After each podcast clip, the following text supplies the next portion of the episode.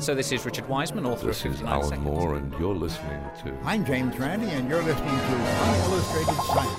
Så du, du leker jo Nei, du leker ikke Gud. Kan eh, kurere kreft om fem år. For meg så er vel det her like nyttig som homøopati. Forskningsnytt. Altså, jeg kan ikke lage en hårete planet. Nei, nei. Uillustrert vitenskap.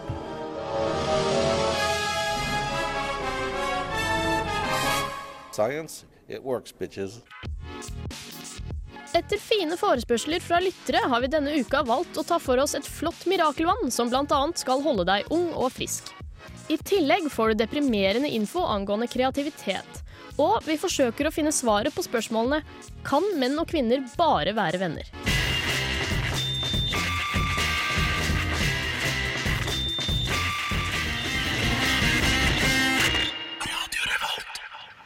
Ja, hei og velkommen til en flunkende ny sending av uh, Uillustrert vitenskap. Eh, I dag så har vi fått Eller det var ikke i dag vi fikk det. Vi har fått eh, eh, spørsmål fra lyttere, og det er flott. eh, Og det er vi veldig fornøyd med. Ikke sant, eh, Ole Eivind Sigrud? Ja, nei, Det er jeg fornøyd med. Vi fikk et spørsmål eh, om et eh, slags kosttilskudd, en drikke som heter Asea. Så jeg eh, prøvde å finne ut hva det går ut på. Strålende. Eh, Og Sofia Sundquist her eh, skal ta for seg kreativitet i dag. Og det, det blir ganske bra. Eh, Jeg heter Jeanette Bø, og i dag så skal vi rett og slett starte med dette mystiske Asea. Og, det skal vi gjøre etter Say Hi, The Prince, James Harden. Yeah. I'm James Harden. Yeah. Okay, I say I'm G. Ja, Asea eh, nevnte jeg så fort i stad før vi hørte låta her. Eh, og hva er Asea? Nei, Det er jo en eh, drikke, eh, selges som et slags eh, kosttilskudd. Det vil hjelpe alle, sier de. Eh, fordi det styrker cellekommunikasjonen, det styrker immunforsvaret, det beskytter mot frie radikaler. Øker kroppens antioksidanteffektivitet på opptil 500% Det høres jo flott ut. Og det skal være bra for idrettsutøvere, da det gir dem bedre ytelse og gjør at de spretter raskere tilbake etter trening. Da. Det er konstigt, Jeg har aldri hørt talas om ASEA innan men det her låter jo som noe som alle burde dykke. Ja, nei, jeg, jeg skjønner ikke helt hvorfor ikke alle har hørt om det, men det er jo relativt nytt, fikk jeg inntrykk av. Okay. Så det kommer nok til å ta over verden. De sier at det er et Er stort ikke- gjennombrudd. En litt lite påstand det her med at det skal være bra for ditt og datten og mirakel. Ja, nei, Det er jo ganske typisk det for kosttilskudd. Eh, De får jo ikke lov til å komme med sykdomspåstander, så det gjør de heller ikke. Men de sier jo f.eks. at det beskytter mot frie radikaler. Og eh, da tror, tror jeg nok mange tenker på ja, men kreft er jo ofte forårsaket av eh, frie radikaler. Eh, solst eller hudkreft f.eks. av UV-stråler. Um, og så sier de også at det skal forbedre immunforsvar, og det er jo diverse tilstander som er forårsaket av et svakt immunforsvar. Så det er nok mange som kan tenke at dette her kan jeg ta, og så blir jeg frisk. Og hvis man da søker på YouTube, så finner man haugevis med videoer med anekdoter om folk som har blitt bedre, med alt eh, fra bedre søvn til kreft. Og stort sett så er det, dette også folk som selger det. Men hvordan, hvordan skal det her virke, da? Nei, De sier jo at eh, de gjør det hele ved å tilføre kroppen eh, såkalt redox-signalmolekyler. Eh, og Asea det skal visstnok inneholde 16 forskjellige redox-signaliseringsmolekyler. Den får du forklare förklara. Redox-signalmolekyler. Ja, ikke sant. Eh, Det er ikke et sånn veldig eh, utbredt eh, begrep. Eh, Men redox er jo kjent for alle som har hatt litt kjemi. Det er reduksjon-oksidasjonsprosesser der de utveksler lading. Et, en forbindelse oksideres, en forbindelse reduseres. Eh, F.eks. når eh, karbon og oksygen går over til CO2. Det er en redox-reaksjon. De er overalt. Redox-signalisering er eh, en type biokjemisk prosess der friradikaler, elektrokjemiske aktive forbindelser som nitrogenoksider og eh, også karbonmonoksid og hydrogensulfid bl.a. fungerer som signaliseringsmolekyler i eh, celler. Eh, Og eh, redox-signalisering eh, foregår i en del biologiske prosesser ved bl.a. produksjon av enzymer som bryter ned peroksider. Um, og så er det jo da interessant da, at de sier at dette skal beskytte mot frie radikaler, i og med at redox-signalmolekyler gjerne er frie radikaler. Eh, men, eh, Ja, så, det, så det er faktisk signaliseringsmolekyler i våre celler, da? Ja, det er det. Eh, Men dette her er et nokså ungt felt. Eh, Og da er det jo typisk da at eh, ja, slike aktører trekker inn et uh, nytt buzzword som egentlig ikke er så veldig godt etablert. Ingen egentlig vet hva det er. Uh, akkurat som det finnes også kvantevann. Fordi Ja. kvante er jo også noe som er litt vanskelig å forstå, og så selger de som det. Uh, men de sier jo at det er diverse sånne molekyler i vannet, men vannet består jo kun av salt og vann. Men det de sier er at de har en sånn patentert prosess da, der vannet og saltet reagerer med hverandre eh, for å danne disse signalmolekylene. Og Det høres jo ut som alle mulige andre sånne mirakelvann eh, der de har sånn omstrukturert vann og alt mulig rart, men ingrediensen er vann og salt. Ja, men eh, eh, når, når du sier at det er sånne molekyler i, i alle cellene, i cellene våre, Ja. hjelper det å drikke det da? Nei, eh, det de sier da, er at alle celler lager disse signalmolekylene, men etter man fyller tolv, så lager de stadig færre, og så blir det lavere og lavere produksjon. Og siden disse signalmolekylene er essensielle for liv, som de sier i alle disse videoene, så eh, får man veldig det inntrykket at å, den dagen cellene slutter å produsere nei, disse signalmolekylene, så dør vi. Det er i hvert fall Ja. det inntrykket jeg satt med igjen etter å ha sett eh, denne videoen. Eh, så derfor bør man da ha påfyll av disse molekylene, og det skal man få ved å drikke dem. Eh, det er noen problemer med det. En er jo at eh, de har jo ikke noe dokumentert at det faktisk inneholder disse molekylene. Det andre er jo si at det inneholder disse molekylene, eh, så må man jo fortsatt vise at dette hjelper cellene på noe vis ved å drikke det. Da, da må det tas opp i fordøyelsen, og fordøyelsen er litt sånn brutal affære, da, så jeg Ja. vet ikke helt om du overlever alt det. Det er en lang vei fra att bara dricka det og så skal det gå gjennom magsyren, magsekken, tas opp, og så skal det inn i cellene antagelig også, og så, eller om det er mellom Ja. cellene, da. Men de sier jo at det er en stabil løsning, da. OK. Betryggende. Ja vel. Men, men jeg, håper, jeg håper det har blitt gjort noe forskning på det her. Ja, de sier jo eh, at dette her er godt dokumentert, og de har gjort forskning og alt det her. Eh, Det er det de sier. Men de viser aldri at vannet inneholder disse stoffene. Og de nevner heller aldri disse stoffene ved navn. De sier ikke hvilke redox-signalmolekyler er det snakk om. De sier bare at å, det er 16 forskjellige, og de ja. finnes. Eh, Men det viser de aldri. Så har de gjort noen studier på cellekulturer, som jo som kjent kan være interessant som et sånn første steg for å finne ut om det kanskje er noe verdt å forske videre på det. Men som vi har vært innom her i Julestrøm mange ganger, så, så gir ikke det oss noen svar på om dette her hjelper oss ved å drikke det. Eh, så testet de ASEA på hele 17 idrettsutøvere. Jaså? Og fant en 3% økning i eh, maks eh, oksygenopptak. Dessverre hadde de ingen kontroll, og de hadde heller ingen utregning på om økningen var statistisk eh, signifikant. Og hvis de da gjorde den regningen og fant at det ikke var statistisk signifikant, så, så sa de det i hvert fall ikke til oss. Um, så oppsummert så har de ingen placebokontrollerte studier, som jo er gullstandarden innen medisinsk eh, forskning. Og eh, alle studier de peker til, de har de gjennomført selv. Ja. Og har ikke blitt publisert i tidsskrifter som er fagfellevurdert. De er bare lagt ut på nettsiden deres. Eh, Så det fins ingen troverdig forskning nå, som Mm. støtter disse utsagnene. Og hvis man søker på redox-signalmolekyler eh, i PubMed og sånn, så finner man noe her og der, men ingenting som har med AC å gjøre. Så forskningen er da ikke gjort av forskere. Det er flott. Vi skal over til nettverkssalg etter Therese Aune. trees the road. Why would two seasoned, experienced men from the traditional business world choose network marketing to take ASEA to the world? Ja, hvorfor velge akkurat nettverkssalg? De fleste av oss husker vel The 5% Community. det norske pyramidespillet, som gikk konkurs i 2004. Selskapet hadde da rundt 50 000 medlemmer, som til sammen tapte opp mot 1 milliard kroner. Det er skremmende lite som skiller nettverkssalg, eller multilevel marketing, fra ulovlig pyramidespill. Den eneste forskjellen er at det skal bli omsatt en vare eller tjeneste. Og som i pyramidespill er det så godt som garantert at du ikke vil tjene noe i det hele tatt. Ved nettverkssalg skal man som distributør kunne tjene penger på to måter.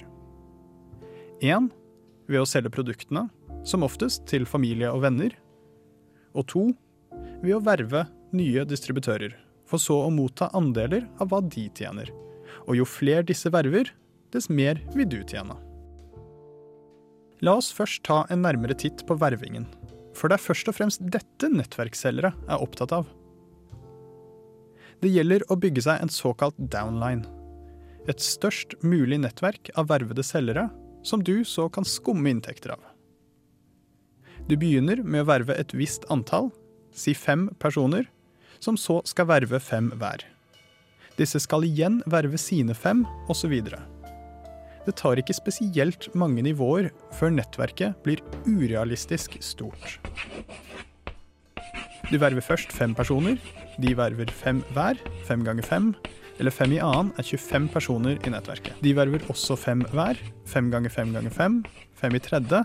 125 personer i nettverket ditt. Vi fortsetter. Fem i fjerde er 625. Fem i femte er 3125. Fem i sjette 15625. Fem i syvende 78125. Fem i åttende 390625. Altså mer enn to ganger Trondheims befolkning etter bare åtte ledd. Fem i niende 1 953 125. Fem i tiende 9 765 625. Fem i ellevte 48 828 125. Fem i tolvte 244 140 625. Fem i trettende 1 milliard 220 703 125. Og fem i fjortende 6 milliarder 103 515 625. Det er nesten hele verdens befolkning.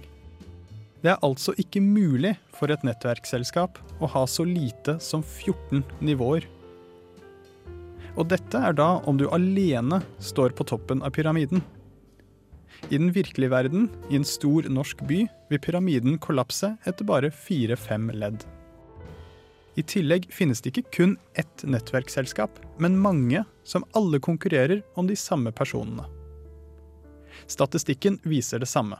En undersøkelse gjort på nettverksselskapenes egne tall viste at Amway var det minst lønnsomme selskapet, der 99,99 ,99 av alle selgere tapte penger. Det mest vellykkede selskapet var Herbalife, der kun 99,42% tapte penger. Andre undersøkelser har gitt litt større håp, bl.a. en som viste at den årlige gjennomsnittsinntekten for nettverksselgere var rundt 28 000 kroner. Med andre ord ikke nok til å leve av det heller. Men hva med produktene? Man kan jo selge dem. Det viser seg at færre enn én av ti nettverksselgere klarer å selge et eneste produkt. Ikke så rart, siden produktene alltid er overpriset sammenlignet med lignende produkter på markedet. Så hvorfor valgte ASEA-sjefene nettverkssalg for sitt firma? Because they understood what more and more business luminaries are preaching. Network marketing is a powerful sales channel with a proven track record of success. Nemlig. Firmaet har garantert salg av sine produkter, uansett hvor overpriset de skulle være. For firmaet driver jo ikke med nettverkssalg. De selger produktene sine på vanlig vis. Og hvem er kunden? Det er deg, distributøren. Nettverkssalg har en proven track record for success for selskapets eiere. I'm James Randi, and you're listening to Unillustrated Science.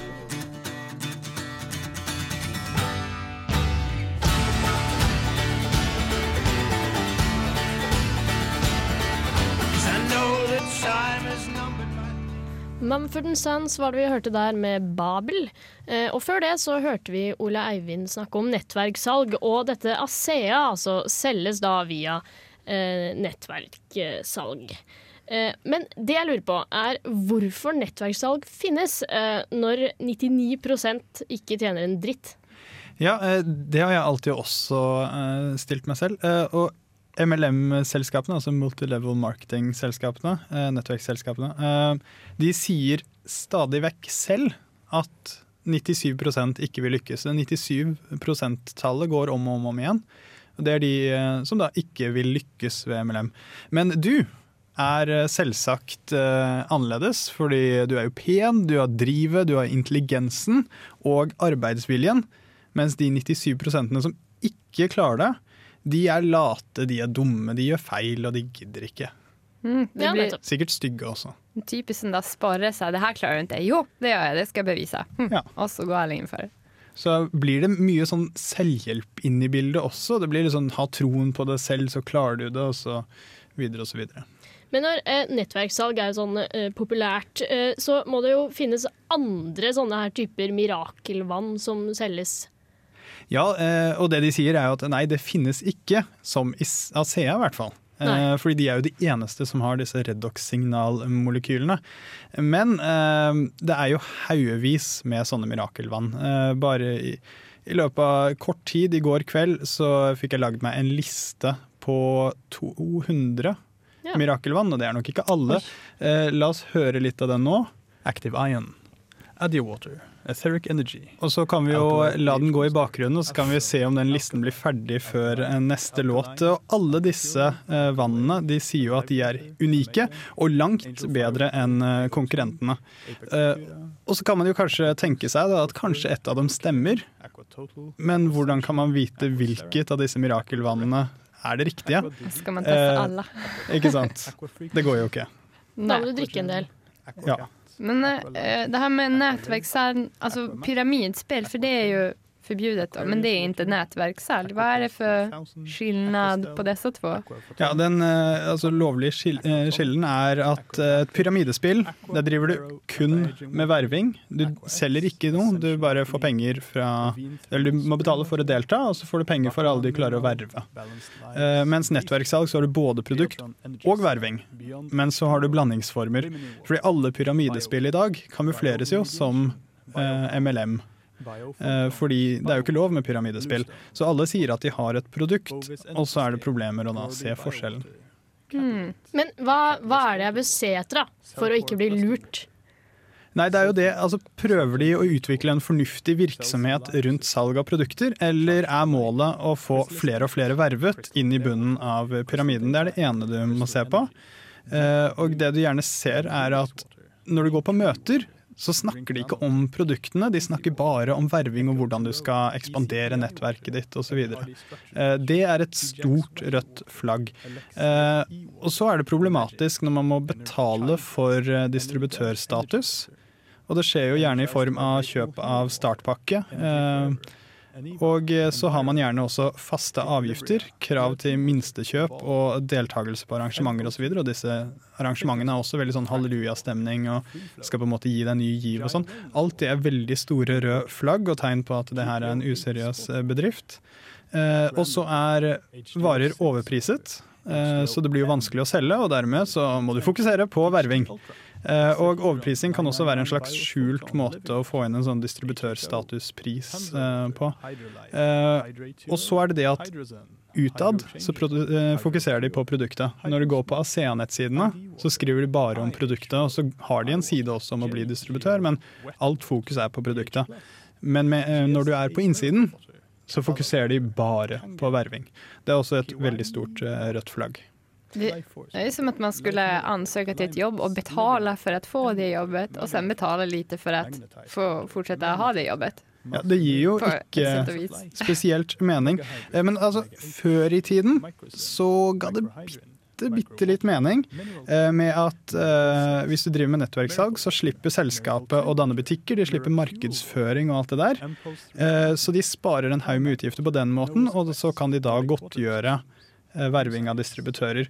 Og selv om det da er en forferdelig dårlig businessmodell som har vist seg å ikke funke, så ga det litt mening.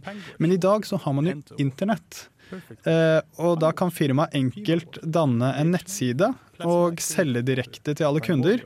Uh, Så verving osv. blir faktisk et fordyrende ledd nå for tiden, nå som man er internett. Så hvis du synes MLM virker lurt, så lever du fortsatt på 70-tallet.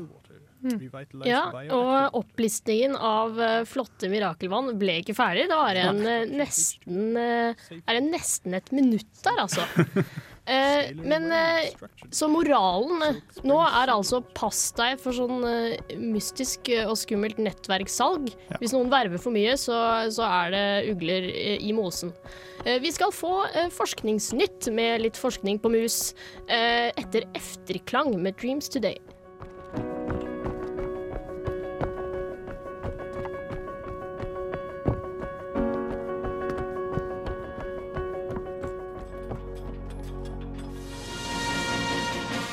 Uillustrert vitenskap presenterer Forskningsnytt.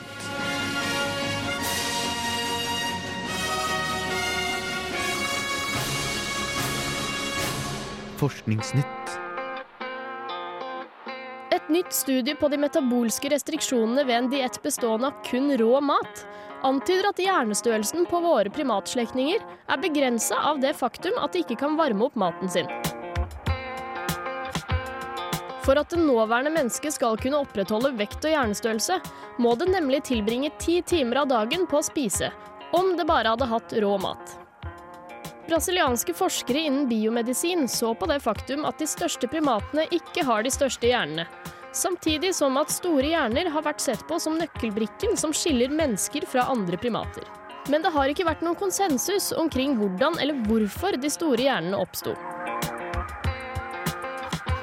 Studiet konkluderer med at det var muligheten for varmebehandlet mat som ga hjernen vår nok kalorier til å vokse, og oss mer tid til å sosialisere. Altså at det var kokt og stekt mat som gjorde oss til mennesker.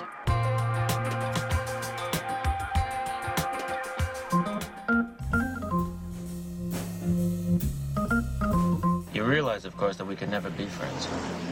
Why not? Men and women can't be friends because the sex part always gets in the way. Dette er påstander du kanskje har noen teorier på selv, men nå har det kommet ny forskning som prøver å besvare spørsmålet om heteroseksuelle menn og kvinner kan være bare venner. Etter studier gjort på 88 par av venner av motsatt kjønn, kom man frem til at det kan ligge noe sannhet i manges oppfattelse av at vi kan tro at vi kan være kun venner med det motsatte kjønn, men at muligheten, eller den innbilte muligheten, for romantikk hele tiden ligger og lurer under overflaten. Resultatene av studiet viste klare kjønnsforskjeller i oppfattelsen av vennskapet, og at det kanskje ikke så overraskende var mennene som la mer i forholdene enn kvinnene.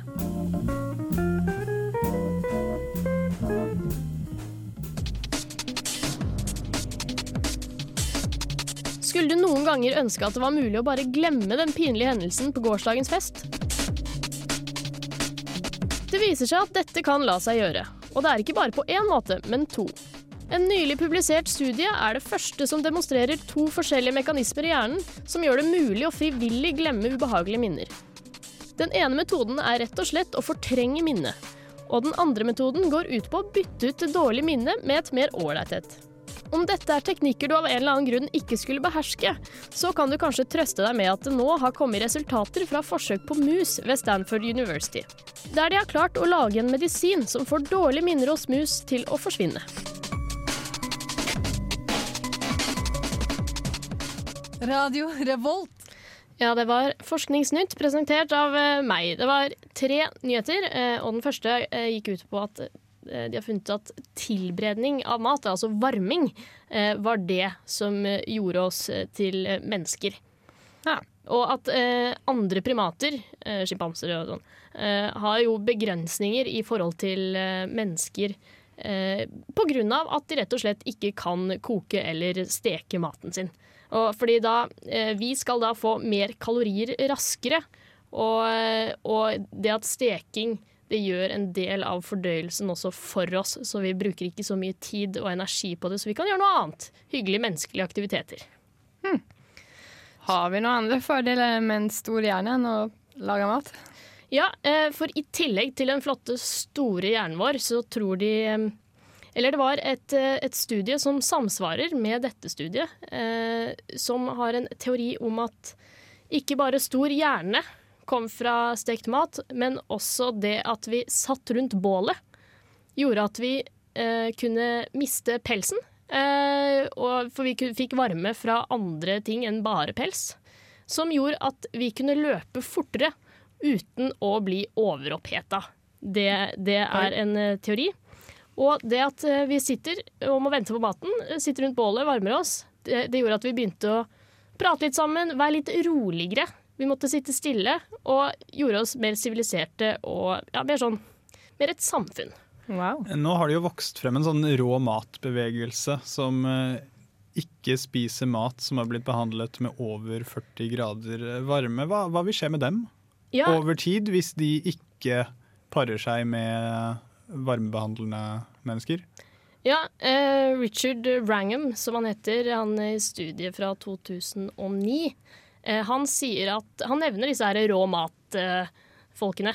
Ja. Eh, og han, og det, i det studiet her kom det jo frem at eh, hvis vi skulle bare spist rå mat, så må vi spise rå mat i ti timer hver dag for å opprettholde vekten vår og størrelsen på hjernen. Eh, og så hvis du vil gå ned i vekt, sier han, så er rå mat fantastisk. Eh, bare, bare begynn med det. Men hvis du finner på å gi det her til barna dine, hvis du setter barna dine på rå matdiett, så bør du settes i fengsel. Fordi det må ikke gis til, til mennesker som eh, er i vekst, eller altså som vokser og utvikler hjernen sin. Det må man ikke finne på å gjøre, altså. Så strek under der, veldig viktig. Ikke rå mat til barn, bare rå mat. Litt rå mat. Så var det dette her morsomme, festlig nyhet. Jeg har mistenkt lenge. Menn og kvinner kan ikke være venner. Billy Crystal hadde rett. Det, det, går, det, går, det går ikke an. Nå vil vi høre. Hva gjorde de for å teste det her, da? Eh, de fant 88 par. Eh, litt lite etter min mening, egentlig. Og jeg vet ikke om det var et representativt utvalg heller. Men dog 88 par. Ganske mange. Altså ikke, Par? ikke par, eh, vennepar. Altså to venner eh, av motsatt kjønn.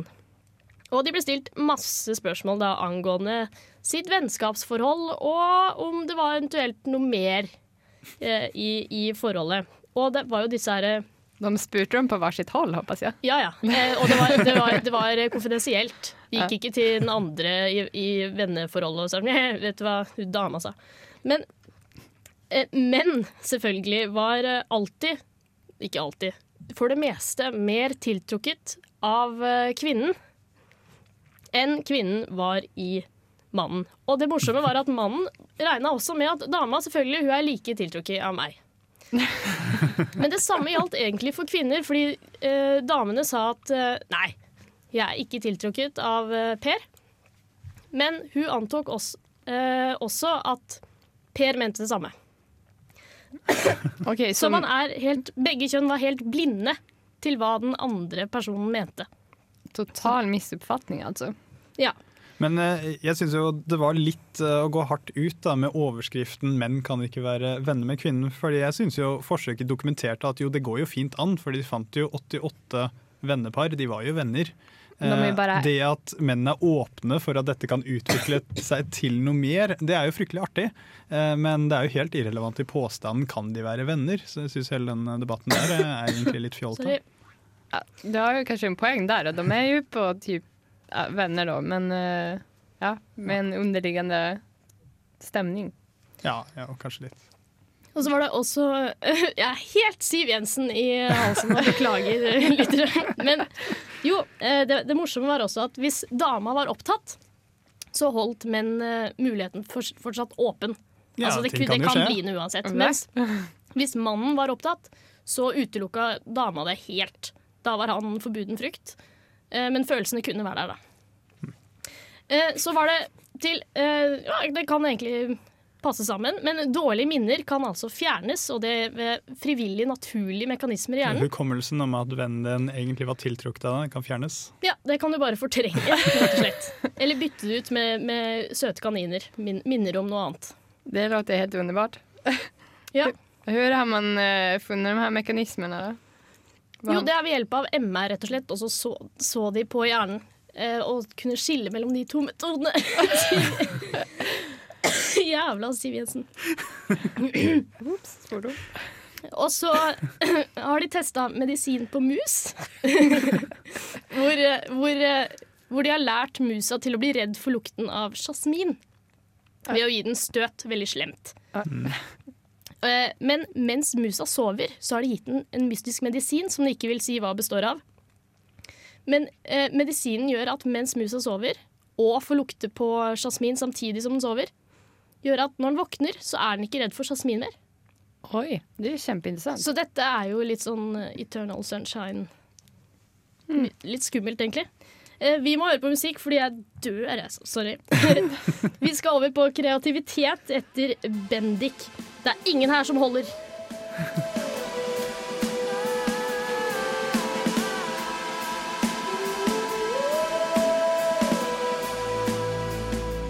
Visst vore det härligt å være kreativ. Sätta seg ned og skrive den boken som sedan översätts til 70 olika språk og blir läst av miljoner av människor. Eller måla den tavlan som generation efter generation kommer att diskutera då du för länge sedan stuckit upp till himlen. Men till vilken kostnad? Man kan väl inte få allting här i livet? Skulle du vara villig att offra något? Till exempel din mentala hälsa. Kanske är det så att kreativiteten har ett pris. Ludwig van Beethoven. Han tror man kan ha lidit av bipolär lidelse. Beethovens maniska perioder kan ha hjälpt honom i hans kreativitet och historien är full av artister som har skapat samtidigt som de slitit med alkoholmissbruk, sinneslidelser eller försökt sig på självmord. Men frågan har varit om det finns en reell koppling mellan kreativitet och mental sjukdom. Och det finns det. I alla fall om man ska lyssna till den senaste forskningen.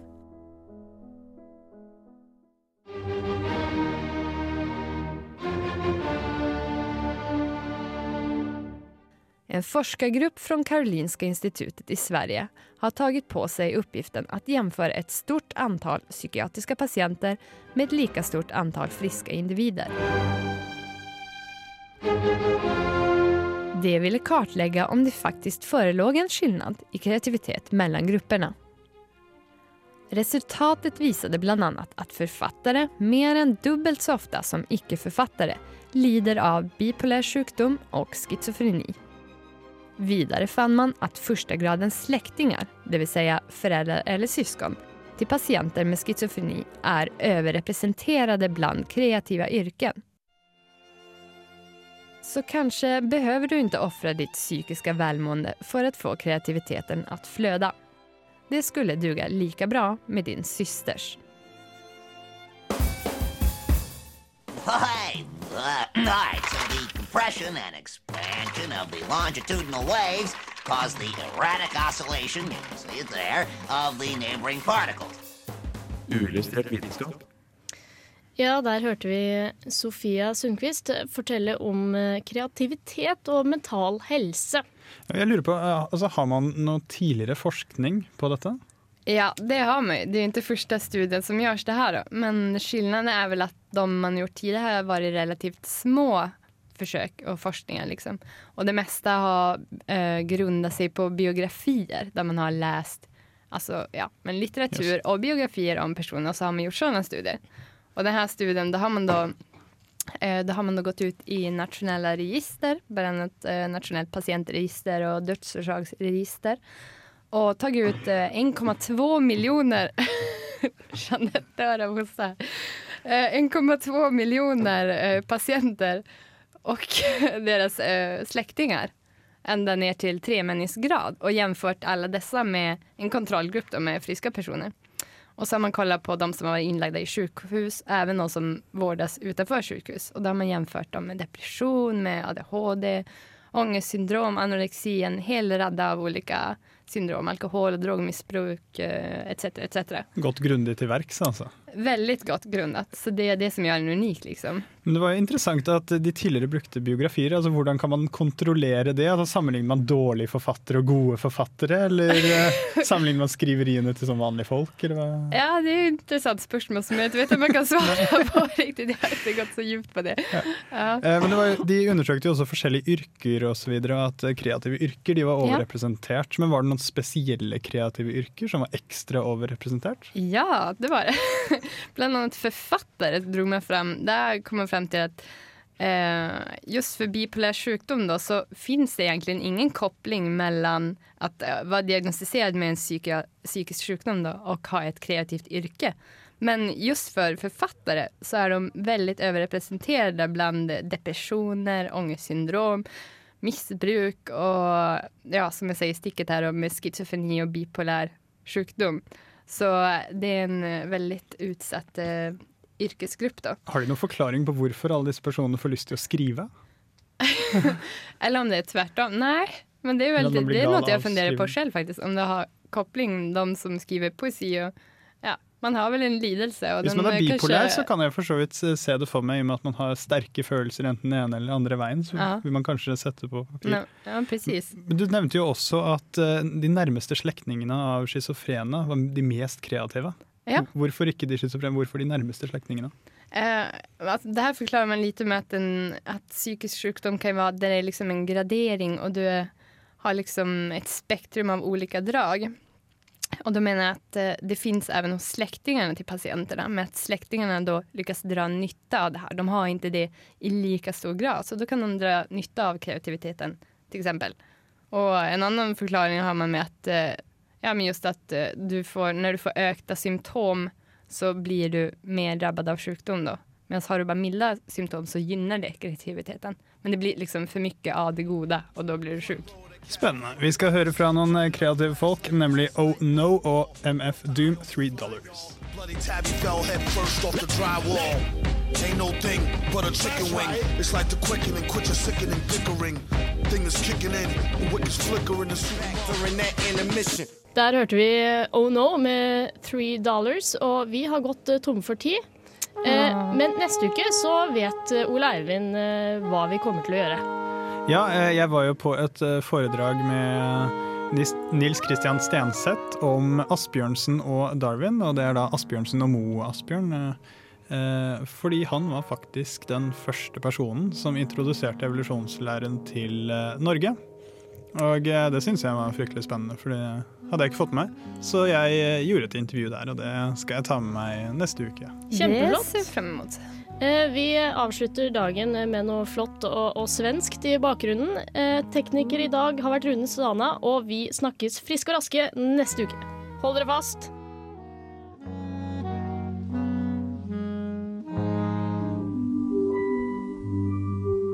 Uillustrert vitenskap er Midt-Norges eneste teknologimagasin på lokalradio. Og vi snakker om alt fra populærvitenskap til sære forskningsprosjekt ved NTNU. Radio Revolt, studentradioen i Trondheim, er stolt av å kunne presentere podkaster fra de aller mest populære programmene våre. Hvis du har lyst til å høre mer fra Radio Revolt, hvem vi er og hva slags musikk vi spiller, så kan du høre oss på FM-båndet i Trondheimsregionen, eller streame sendingene våre live på radiorevolt.no.